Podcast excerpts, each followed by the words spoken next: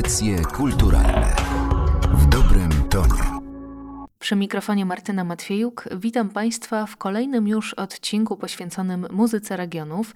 Dziś zapraszam na Podhale. Ze mną dyrektor Bukowiańskiego Centrum Kultury Dom Ludowy, kierownik zespołu regionalnego Wierchowianie, etnograf i multiinstrumentalista Bartłomiej Koszarek. Dzień dobry. Witam, witajcie Syćka. Zacznijmy proszę od tego, czym muzyka właśnie z Bukowiny Tatrzańskiej wyróżnia się na tle w ogóle muzyki Podhala. Pierwej by trzeba było powiedzieć, co wyróżnia tą muzykę podhalańską na tle innych nawet regionów Polski, te górskie brzmienia w stosunku do różnego rodzaju muzyki, powiedzmy dolin i innych właśnie zakątków Polski. Żeby odpowiedzieć, w jaki sposób została zbudowana, czy wyróżnia się dzisiaj ta muzyka bukowiańska. Myślę, że ważnym elementem tego wyróżniania się muzyki z Bukowiny Taczańskiej. Jest położenie geograficzne właśnie samej miejscowości, która tu u styku właśnie rzeki Białki, gdzie przez prawie tysiąc roków była granica polsko-węgierska, gdzie wpływy właśnie słowackie, wędrówki Romów, Berkitki Romy, Cyganów Górskich, gdzie właśnie różnego rodzaju te pierwiastki dzieci się ocierały o sobie, inaczej jak powiedzmy w Poroninie, gdzie ta wieźba obudowano miejscowością podhalańskich, artystów, twórców, czy innych bardzo hermetycznie właśnie nie ulegających wpływom innych muzyk. Tu Bukowina była w stałych związkach sąsiedzkich, tu z Górnym Taczańskim Śpisem, jak tak można powiedzieć, ale i właśnie z tymi mm, pierwiastkami muzyki. Co nie znaczy, że ona się tak bardzo zmieniła, czy tak bardzo na nią ta muzyka wywarła wpływ, że się oderwała jakby od podhalańskości, bo nie, bo nie i nie można tak twierdzić, tak godać. Natomiast w różnych elementach, smaczkach właśnie da się wyczuć tą odrębność bukowiańskiej muzyki. Po pierwsze wybitną skrzypacką, która była tu z Bukowiną Taczańską związana, w której się urodziła na Łysej Polanie, była właśnie dziadońka Bronisława Dziadoń Konieczna, uczennica Bartka Obrochty, która cały warsztat kunszt muzyki właśnie tej skalnego Podhala przyniosła na bukowiańskie wierchy, ale dodając od siebie już sporo właśnie elementów ciekawych. To jej się przypisuje pierwszy zdobny sekund, który właśnie podąża za linią melodyczną premisty i ona jakby jest fundamentem tego, co bukowiańską muzyką można nazwać. To na jej piętrach nadbudowa tego, co dziadońka stworzyła, mm, no budowali Adam Kuchta, czyli jej właśnie wychowanek, czy właśnie Józef Koszarek, mój tata Stanisława Galica-Gorkiewicz, co rodziną jest e, przygrewo i chwała Bogu, dobrze się ma, ale głównie Eugeniusz Wilczek, ujek Gienek, jak go tu nazywamy, a przez e, badaczy nazywany to jest paganinim Podhala. Tu bardzo jest ciekawa sprawa, bo Eugeniusz Wilczek, który rósł bardzo związany z naturą, z przyrodą, z górami, z łowcami, bacował, juchasił.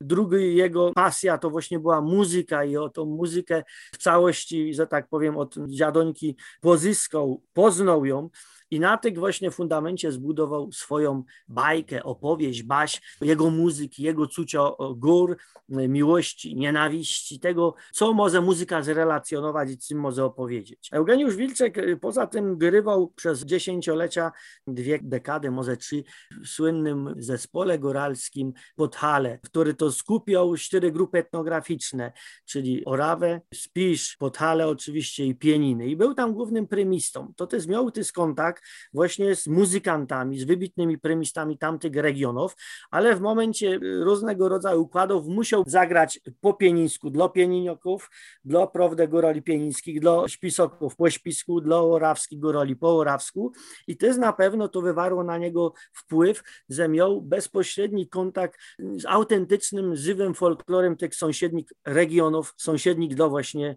Podhala, skalnego Podhala. Niemniej bardzo umiał dobrze rozróżniać, jak chodził do niego grywać, to wyraźnie dodał, dziadońka se tak zagrała i tego się Bartuś nauczył, a ja to se już to potem tak interpretuję, tak grom, możesz to przyjąć i, że tak powiem, podpatrywać, ale zalecą, żeby na nikim się nie wzorować.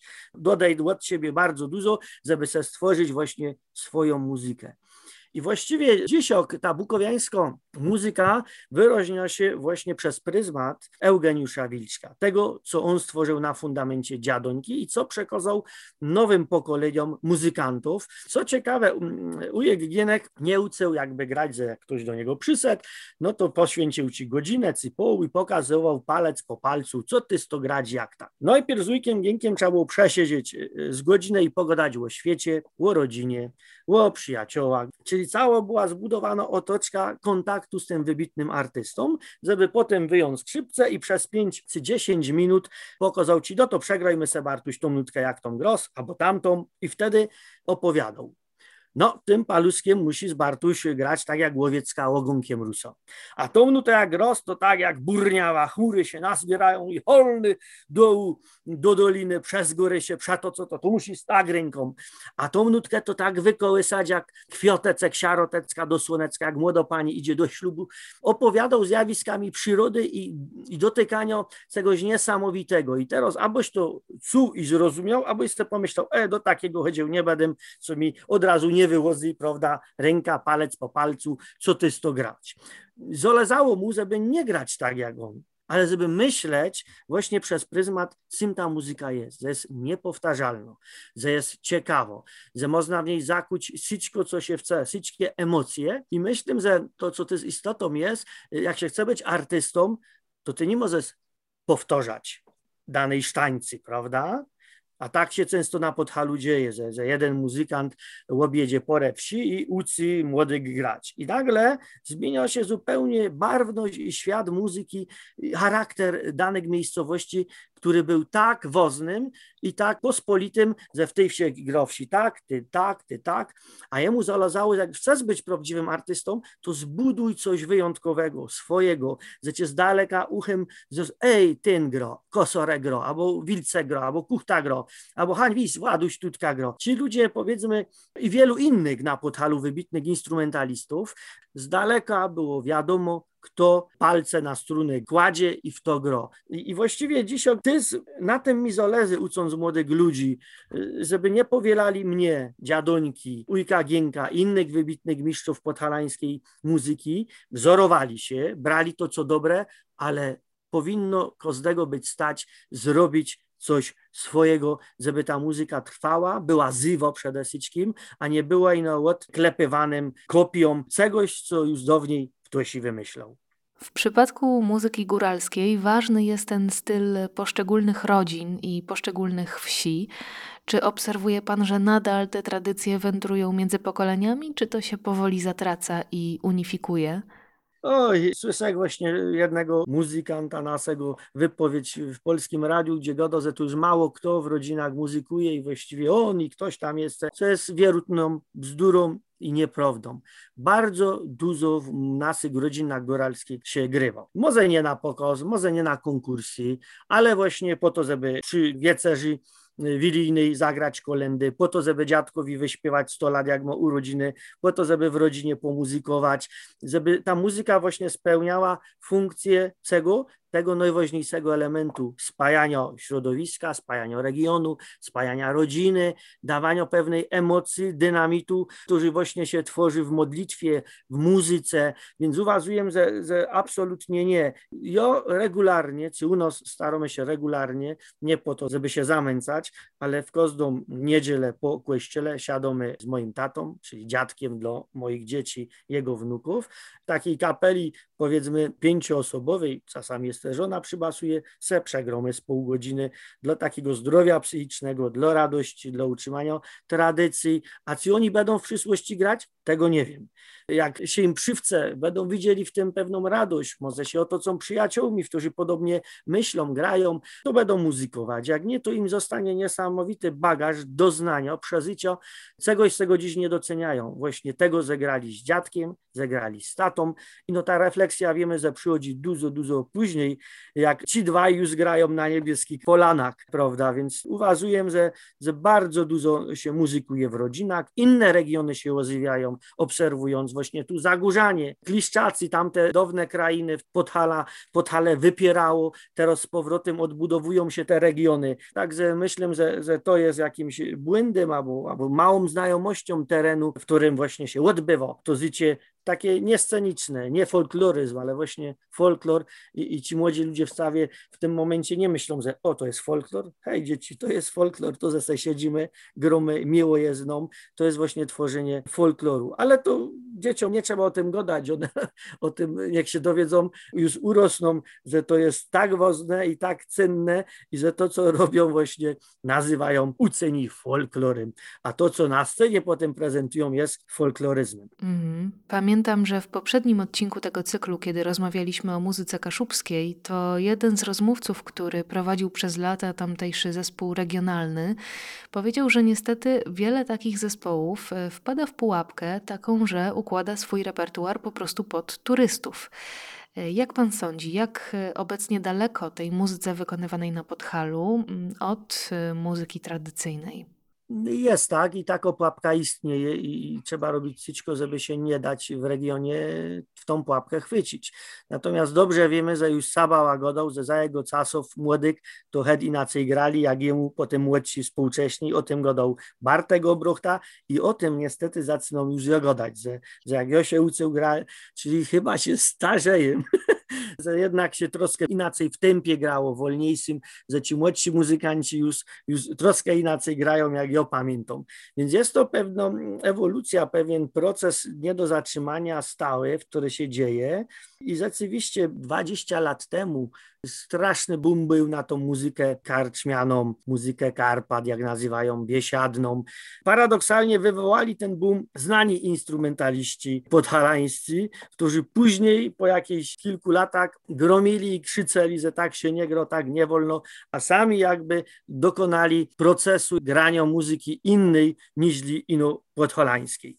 Natomiast nie jest to zarzut, tylko ich świadomość, powiedzmy, tych muzykantów, którzy nagrywali dużo płyt, kaset i tak dalej, no była troszkę może dalej posunięto i umieli odgraniczyć, co jest podhalańskie, co jest nase, a co jest łarawskie, co jest ze Słowacji, z Dietwy, to jest z Terchowej.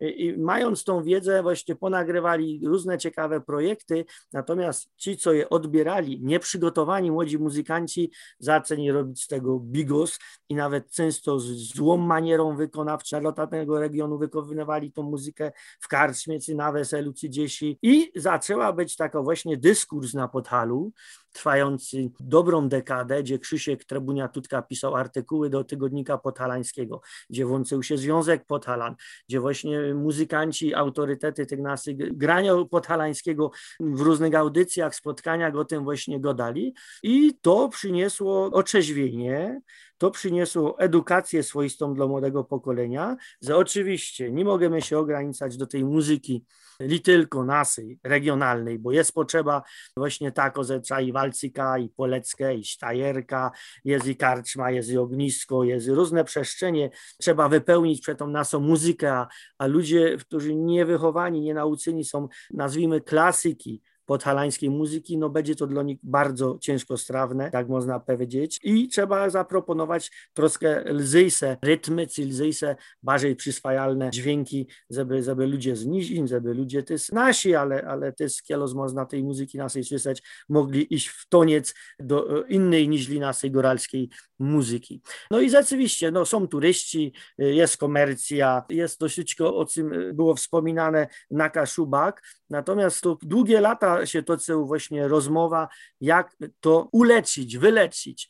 Jestem przekonany, że większość muzyków młodych, którzy zaczynają grać teraz właśnie, czy po karczmach, czy tu tam wszędzie, są teraz bardzo dobrze, że tak powiem, w środku postawieni, że to, co góralskie, tradycyjne, to góralskie, to, co to wiemy, że to jest lachowskie, to jest Łodłorawy, to ze Śpisa, to se zagromy Rumunię, to Węgry, ale jednocześnie nie zabiera im to potężnego pola w sercu, że to, co jest tradycyjne, z pewną wiedzą, co się gra na pogrzebie, co się gra na weselu, co zagrać na występie, co zagrać właśnie jak się wita gości. Dramaturgia tej muzyki, która odpowiada różnym momentom życia człowieka, czy świętom kościelnym, czy różnego rodzaju sytuacjom, gdzie ta muzyka się pojawia, winna się pojawić i spełnić właśnie swoją rolę, czy misję w stronę właśnie czy to swojej parafii, czy to swojego regionu, czy to swojej rodziny, wsi i tak dalej, i tak dalej, bo są takie różne kręgi w zasięgu tej muzyki, roli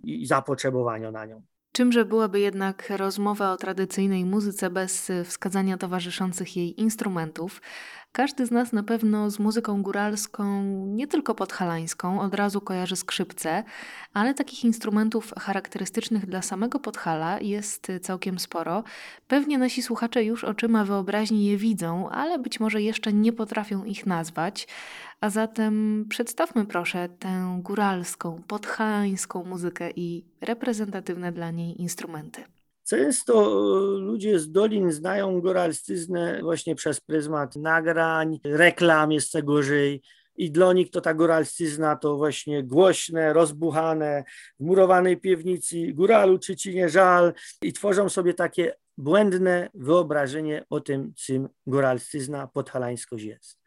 Wiemy, że nasza kultura rodziła się powiedzmy przy roli, rodziła się przy pasterstwie i dużo właśnie pięknych pasterskich instrumentów się zachowało, które są subtelne, które w swoim brzmieniu jakby wyrażają podziw dla przyrody, Boga, drugiego człowieka, a później dopiero jest to, czym czasami nos ludzie z doliny obzierają, czyli scena, czyli głośno, barwnie, z zacięciem, z wigorem, ze swadą. Tak, jest to jedna strona góralszczyzny, bo, bo ta tacy my są, ale jest potężna właśnie druga strona tego medalu, gdzie właśnie w ciszy, w spokoju, przy potoku, przy watrze brzmią pistołki, fujarki, dwojnice, gdzie brzmią złupcoki, czyli gęśliki podhalańskie, które nie tak e, nośnie się odzywają jak skrzypce, ma troszkę gęglawie, skrzeklawie, ale nadające im właśnie pewnej poezyjności tego dawnego świata. Są w końcu kłozy, czyli dudy podhalańskie, są różnego rodzaju listki, ręki, strzelało się z bicy, prawda, gwizdało na palcu, który niestety może być instrumentem jak się chce, ale i narzędziem. No i trąbity, które były takimi komunikacyjnymi, nazwijmy to, e, narzędziami, teraz już instrumentami wyłącznie. Także jest całe, całe bogactwo, choć tak i tak śmiem twierdzić, że tym głównym instrumentem przydarzonym od najwyższego, w którym mamy, to jest nasz głos buzia, język, struny głosowe jest wybitnym instrumentem, który zawsze mamy przy sobie, który kształtuje nos, y, nasze środowisko.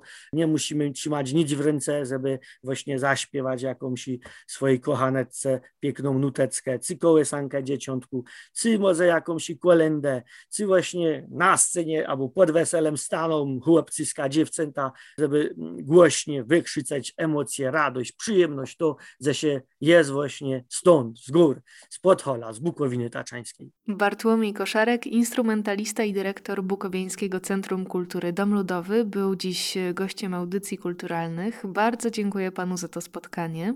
Dyce Bukowina słynie ino za to, że 300 dni zimy, resztę samo lato. Edyć śpiewamy i gromy, sabały nucicki, bo nos naucyły, dziadońki gęślicki. Bywajcie zdrowo i Bóg zapłać za spotkanie. A moim kolejnym gościem będzie dr Maria Małanicz-Przybylska z Instytutu Etnologii i Antropologii Kulturowej Uniwersytetu Warszawskiego, autorka licznych prac poświęconych góralszczyźnie i muzyce Podhala w ujęciu antropologicznym. Dzień dobry, witam Panią serdecznie. Dzień dobry, ja też wszystkich witam.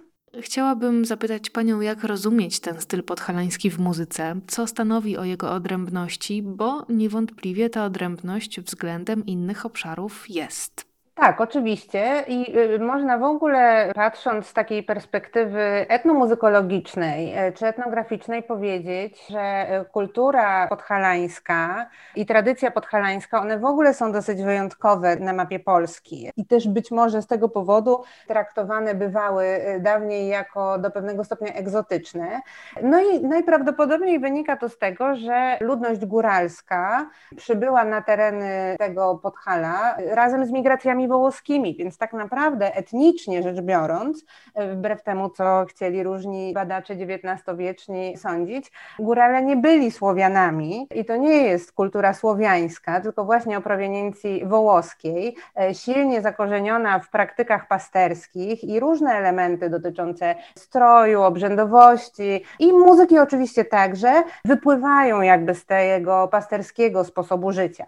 I oczywiście w związku z tym właśnie ta, ta muzyka niewiele wspólnego z muzyką nizinną początkowo miała, tak możemy sobie wyobrażać, bo oczywiście w tych dawnych czasach nikt muzyki nie zapisywał, więc e, to są tylko pewne nasze rekonstrukcje wyobrażeń. Natomiast jeżeli mielibyśmy scharakteryzować, czy ja miałabym scharakteryzować to, co potocznie i powszechnie nazywamy muzyką góralską pod względem jej wyjątkowości, no to na pewno wyjątkowe jest to, że jest to muzyka wielogłosowa.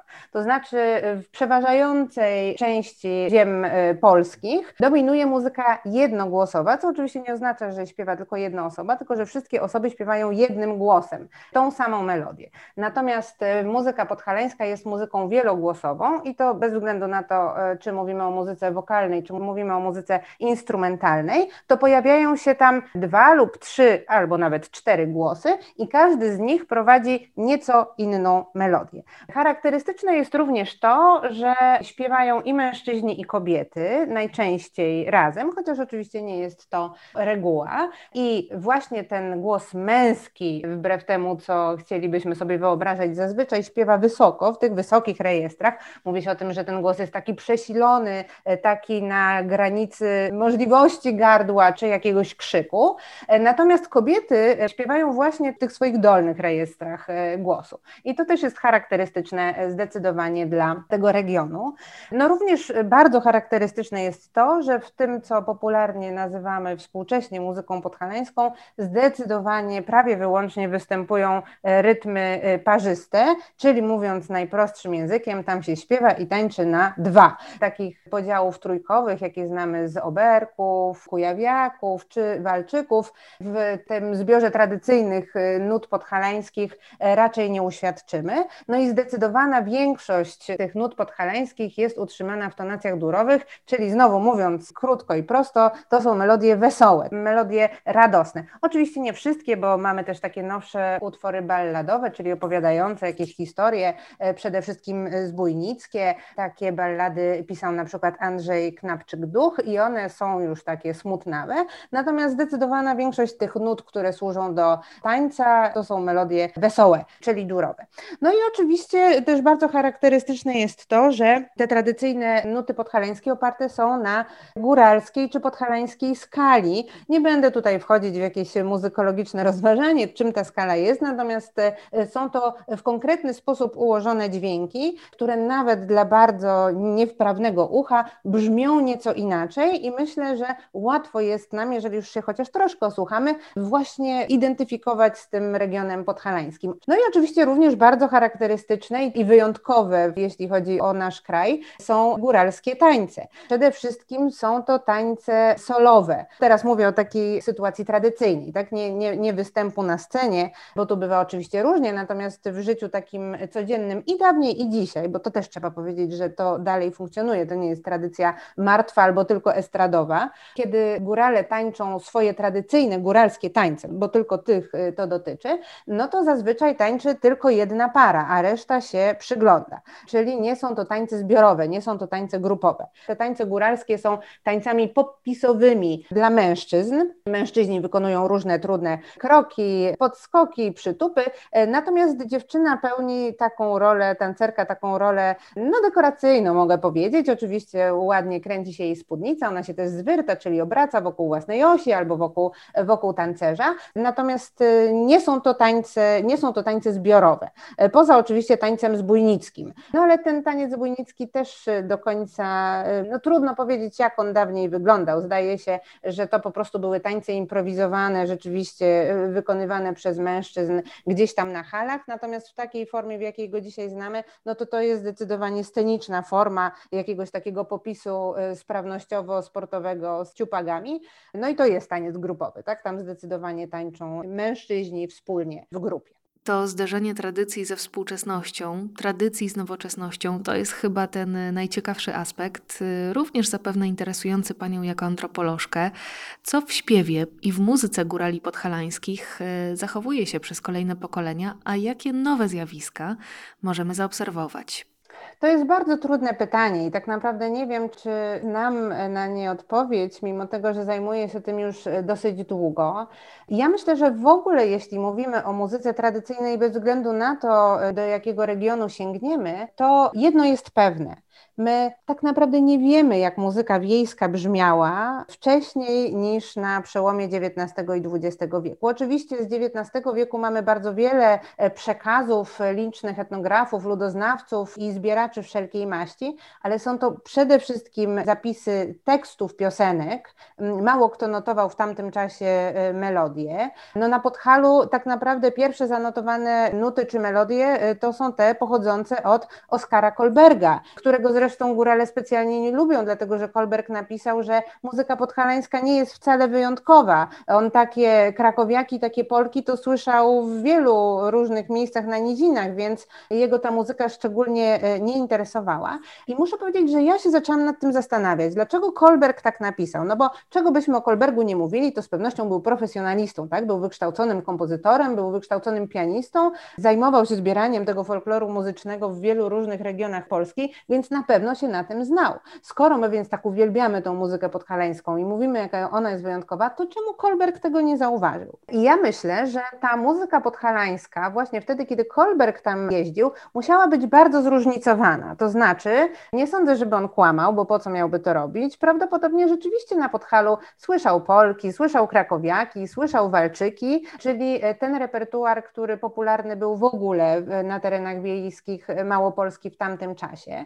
Natomiast Natomiast taka ogromna e, fascynacja muzyką Podhala nastąpiła trochę później. I ja mam wrażenie, że ci wszyscy późniejsi badacze z tego ogromnego repertuaru folkloru podhalańskiego wybierali te elementy, które wydawały im się wyjątkowe i niepowtarzalne, egzotyczne właśnie. E, czyli wyjmowali to, czego gdzie indziej nie słyszeli. Czyli właśnie te e, polonezy, krakowiaki, polki odrzucali, a wybierali i zapisywali te melodie, które były w skali góralskiej, które brzmiały po prostu inaczej, tak? które uznawali za charakterystyczne dla danego regionu. Z pewnością bardzo ważnym człowiekiem, który wpłynął w ogóle na to, co my chcemy dzisiaj uważać za i sami górale, co uważają za swoją muzykę tradycyjną, był Stanisław Mierczyński, który był skrzypkiem, był e, muzykiem i grywał z góralami z różnych przekazów. Wynika, że nawet całkiem nieźle, no tego ocenić nie mogę, bo go nie słyszałam, ale, ale podobno tak.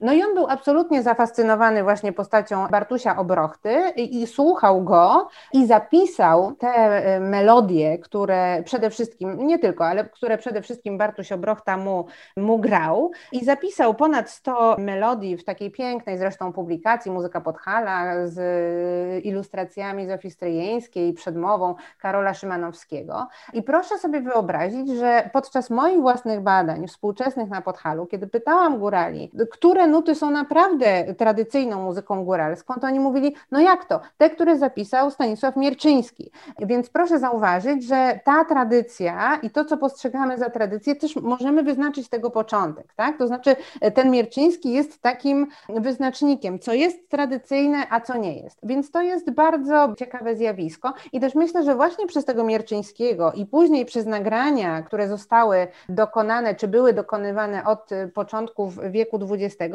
one niejako zamknęły ten zbiór tradycji, tak? To znaczy jednoznacznie określiły, co do tej tradycyjnej muzyki góralskiej należy, a co już nie należy. I, I, w związku z czym być może ta muzyka tradycyjna, podhalańska, przestała się tak intensywnie zmieniać, jak ja sobie wyobrażam, że musiała zmieniać się wcześniej. Tutaj myślę, że też warto obalić taki mit, który do tej pory czasami w publikacjach, szczególnie takich turystycznych, jest y, powtarzany, że Podhale to był jakiś region zupełnie zamknięty, odizolowany od innych i górale nie mieli kontaktów jakichś podnadregionalnych. Oczywiście, że mieli i, i, i na handel, i do pracy Polacy jeździli na niziny i przeprawiali się przez Tatry na tereny austro-węgierskie, byli przecież handlowymi przewodnikami przez te górskie drogi, więc oni być może nawet mieli więcej kontaktów niż inni chłopi nizinni i te kontakty musiały się odbijać w muzyce, bo po prostu kiedy ludzie wędrują, słuchają, poznają, to taka jest nasza ludzka natura, że te, że te nowości przechwytujemy, to co nam się podoba, włączamy do naszego świata, dźwiękowego też. Więc to, co dzisiaj nazywamy muzyką tradycyjną, to jest pewien zbiór, e, który moim zdaniem został stworzony właśnie na przełomie XIX i XX wieku, w dużej mierze przez e, ludzi zewnętrznych, wcale nie przez górami.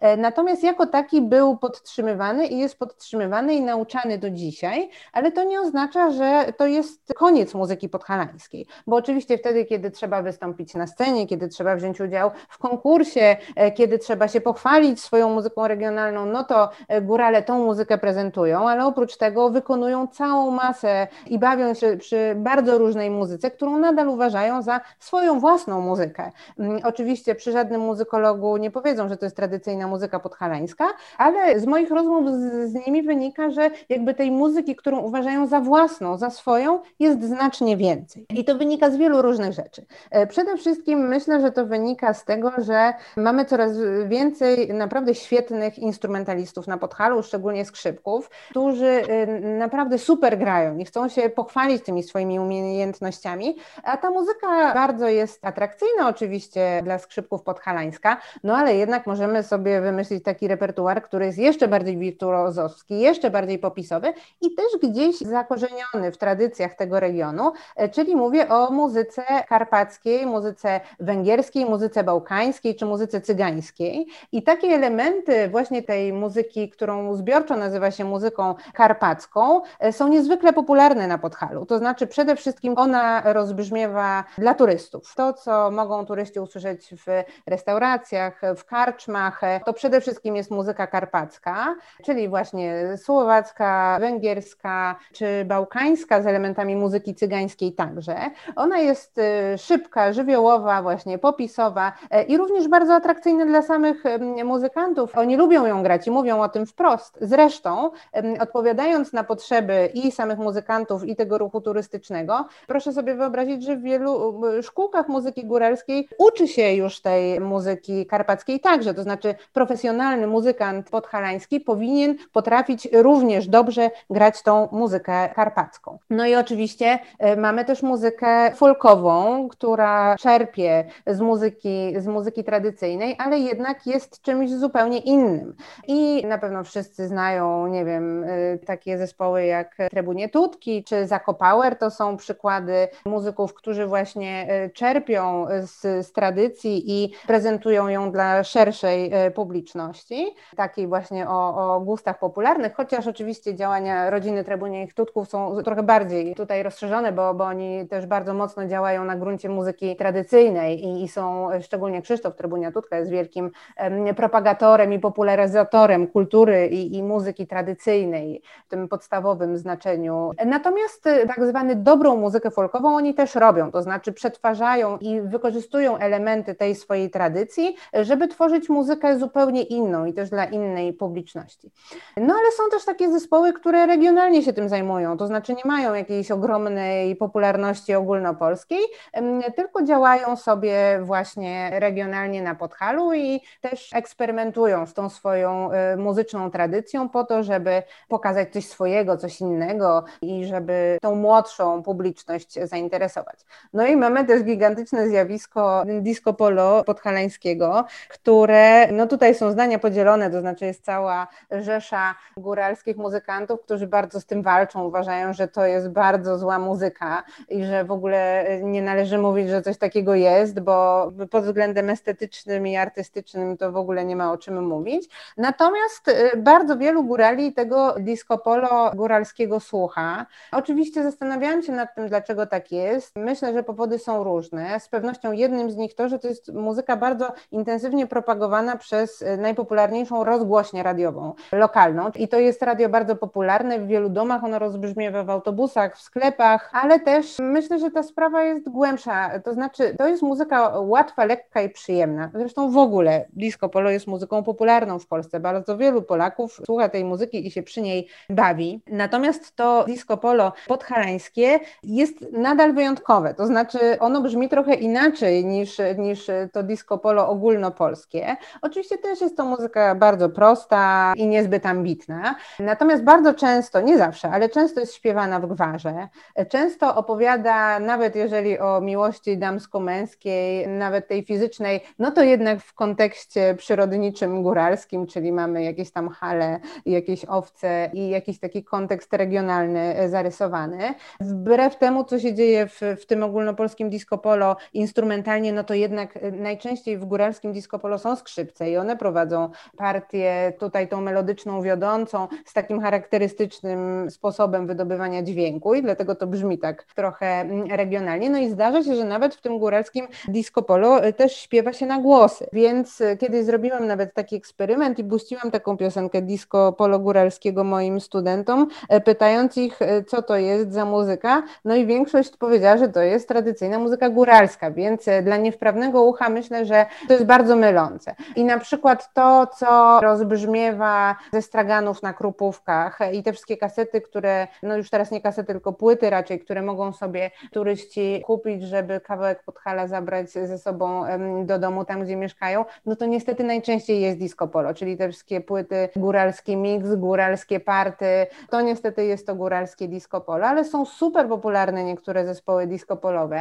No trzeba bardzo długo czekać, żeby na przykład oni zechcieli wystąpić na weselu, do kilku lat. Obsługują też imprezy firmowe wielkich przedsiębiorstw, już nie będę tutaj nazwami rzucać, żeby nie robić nikomu reklamy, ale to nie jest tak, że ta muzyka jest tylko tam zwalczana.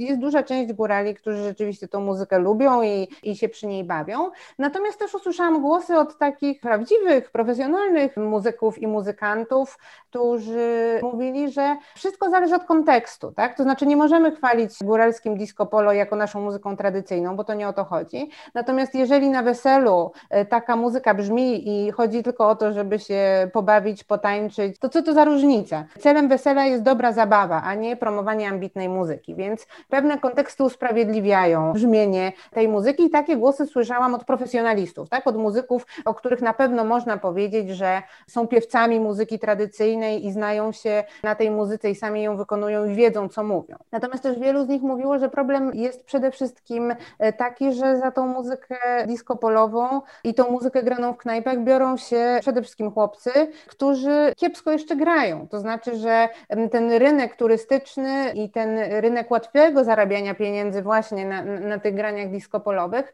powoduje, że ledwo się nauczą grać, byle co i już idą zarabiać pieniądze i to powoduje psucie jakości rynku też i, i też odbioru muzyki góralskiej. Oni nie grają okropnie, dlatego że muzyka góralska jest okropna, tylko dlatego, że nie potrafią jeszcze grać, a już e, idą to robić, a na pewno łatwiej jest grać disco polo niż tradycyjne nuty góralskie, bo jednak to wymaga pewnej świadomości, a disco polo, gdzie powtarzają się na krzyż trzy akordy, jest zdecydowanie prostsze do wykonania. Na szczęście cały czas są ci, którzy o tę tradycję, o tę spuściznę muzyczną swojego regionu dbają.